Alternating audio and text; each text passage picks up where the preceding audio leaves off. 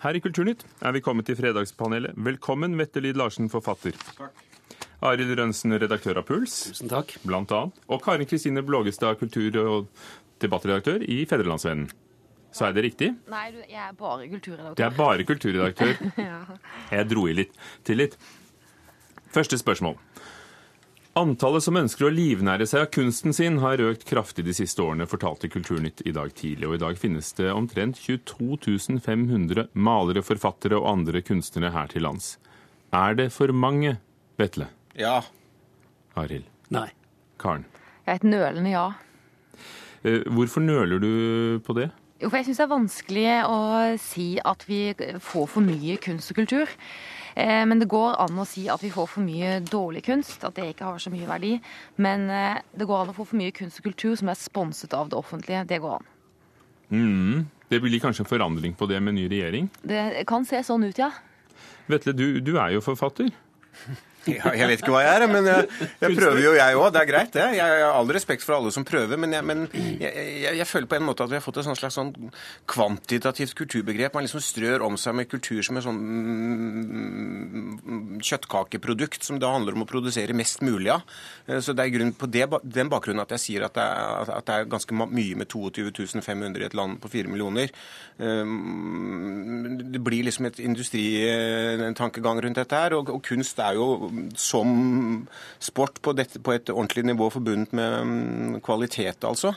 Og det spørs om vi begynner å, Når alle er kunstnere og alle skal leve av det, så kan det hende at det er, er litt eh, drøyt. Kan hende skulle det vært litt vanskeligere. Og, men det er jo vanskelig, selvfølgelig. Det er jo vanskelig for de som prøver å leve av dette. Så det er kanskje litt farlig å si det er for mange. Men kanskje det skulle vært 10 000 færre, da. Du var ganske kategorisk. eh, Ja, nei, altså jeg, jeg mener jo at det egentlig ikke, et samfunn kan ikke få for mange kunstnere. Det er jo det som holder, det som holder livet i, i folket, Men egentlig. mat, mat, Men hva holder livet i Ja, dem? nei, men, men, men jeg er jo gammel marxist. Og Karl Marx hadde jo gode teorier om dette. Han, han ville jo ha et samfunn der folk kunne være snekker i to timer, og så kunne du fiske i to timer, og så kunne du lese bøker i to timer. så Og så kunne, du- og så kunne du spille Og så kunne du spille piano i to timer. Nei, Karl Marx, det var før fangeleiren, det. Nei, men jeg mener jo det, da. At det er eh, god kunst.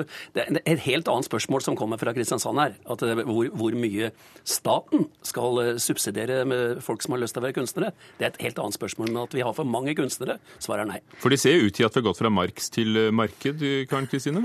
Ja, og det er, jeg er veldig usikker på om det er helt eh, heldig også. Den nye blå-blå regjeringen ønsker jo å diskutere veldig mye næring i kulturen, og de ønsker å diskutere private sponsorer og sånn i kulturen. Og eh, mer konkret hva det egentlig betyr, får vi vel høre utover høsten eller utover vinteren, men eh, det er for- foreløpig litt uvisst. Men det må jo si en annen ting da, altså dette tallet på kunstnere har jo økt voldsomt. Men tenk dere hvor mye underholdningsindustrien har økt eh, i samme periode. Den har sikkert økt enda mer. Og vi trenger jo noe, noen uttrykk som er litt vesentlige og litt viktige, som kan litt sånn demme opp mot eh, Hvem sier at kunsten, overfladiskhet. Den såkalte kunsten er vesentlig? Jeg mener, Problemet er jo når den såkalte kunsten er enda mer uvesentlig enn underholdningsindustrien. Det, det er jo også et problem. Og det opplever man jo ofte hvis man tar seg en runde f.eks. i moderne samtidskunst på utstillinger eller eh, mange steder man opplever rett, og slett at det er eh, tomgang og, overfladisk og dumt. Altså, man kan også oppleve det. Det er på en måte ikke hellig fordi vi snakker om kunst og kultur her. Det må også kunne angripes og stilles krav til, kanskje litt høyere grad. Kanskje er det det som skjer nå. Kanskje er det sunt at det kommer en utfordring til litt av det segmenterte systemet vi har hatt. Hvorfor ikke, liksom? Ja, nei, det er jo kjempe, kjempeenig i det. Eh, Et øyeblikk, Arild. Eh, Karen du sitter i Kristiansand, Nei, vet du. Og du kan bare hive det på. Kom igjen, Karen.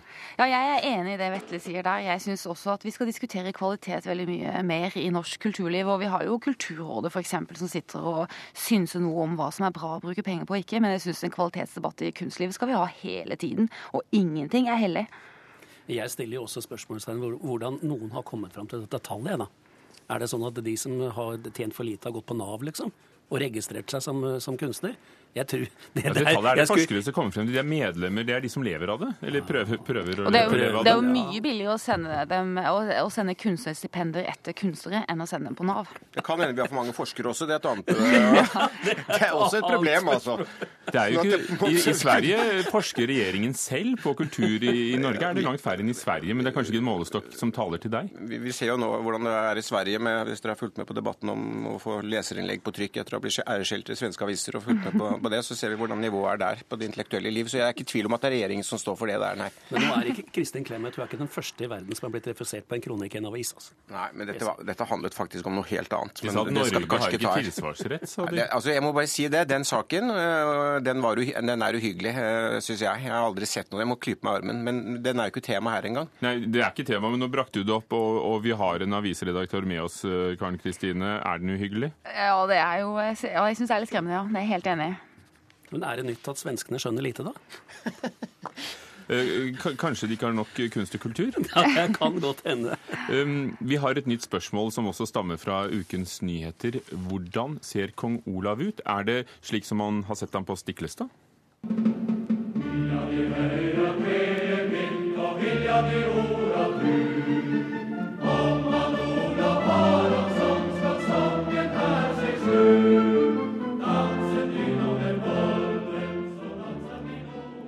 Forskere vil nemlig vite hvordan Olav den hellige så ut, og vil starte et internasjonalt forskningsprosjekt. Eh, de har seminar i Trondheim denne uken.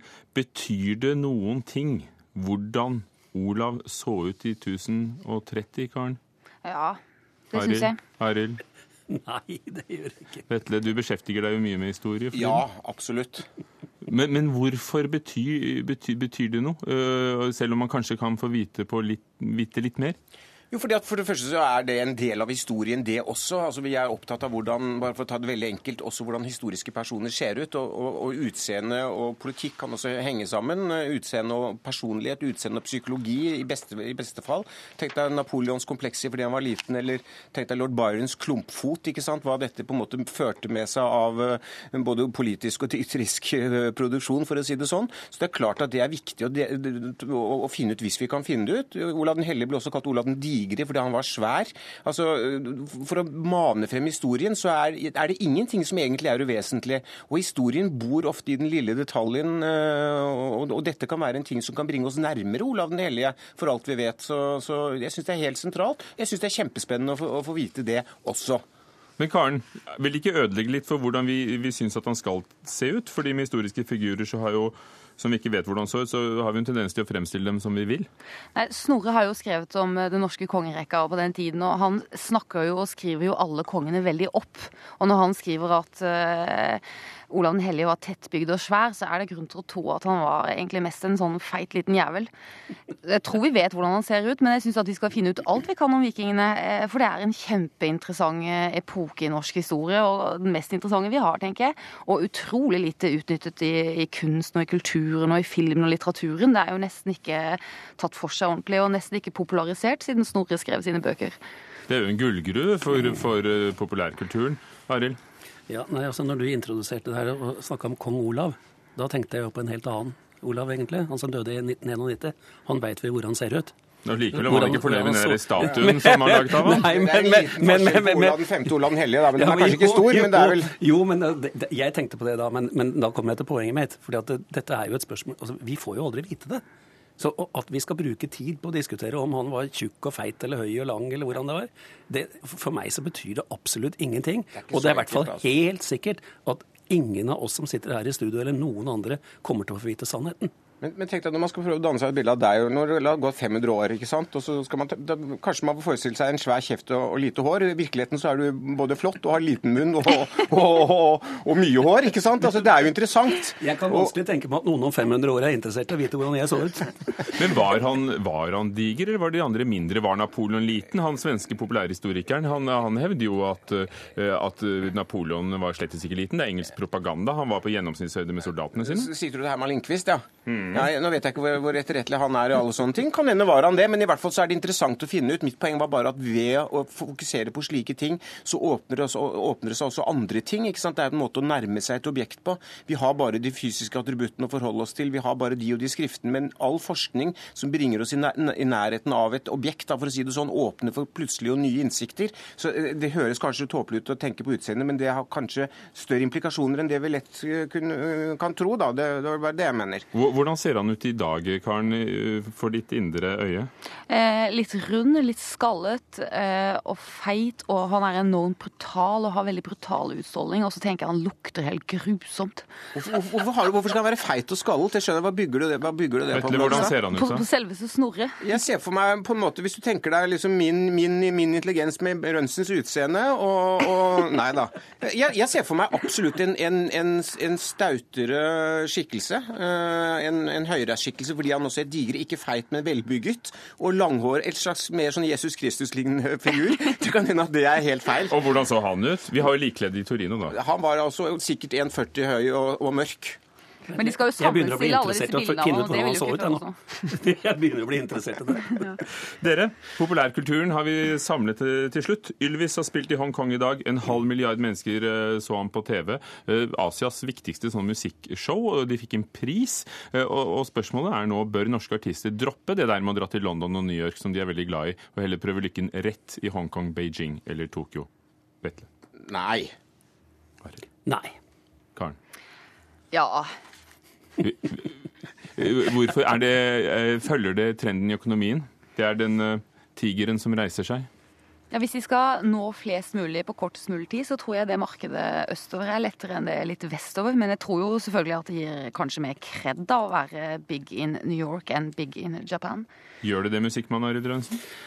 Ja, jeg tror at eh, det kan gå Ting er i ferd med å forandre seg i verden. Økonomien forskyves til Sørøst-Asia istedenfor mellom USA og Europa. Og de kjøper da, fortsatt plater? Fikk ja, vite i dag. det kan også hende. Men man kjøper veldig mye sånne eh, dårlige kopiplater, i hvert fall, som artisten ikke får noe betalt.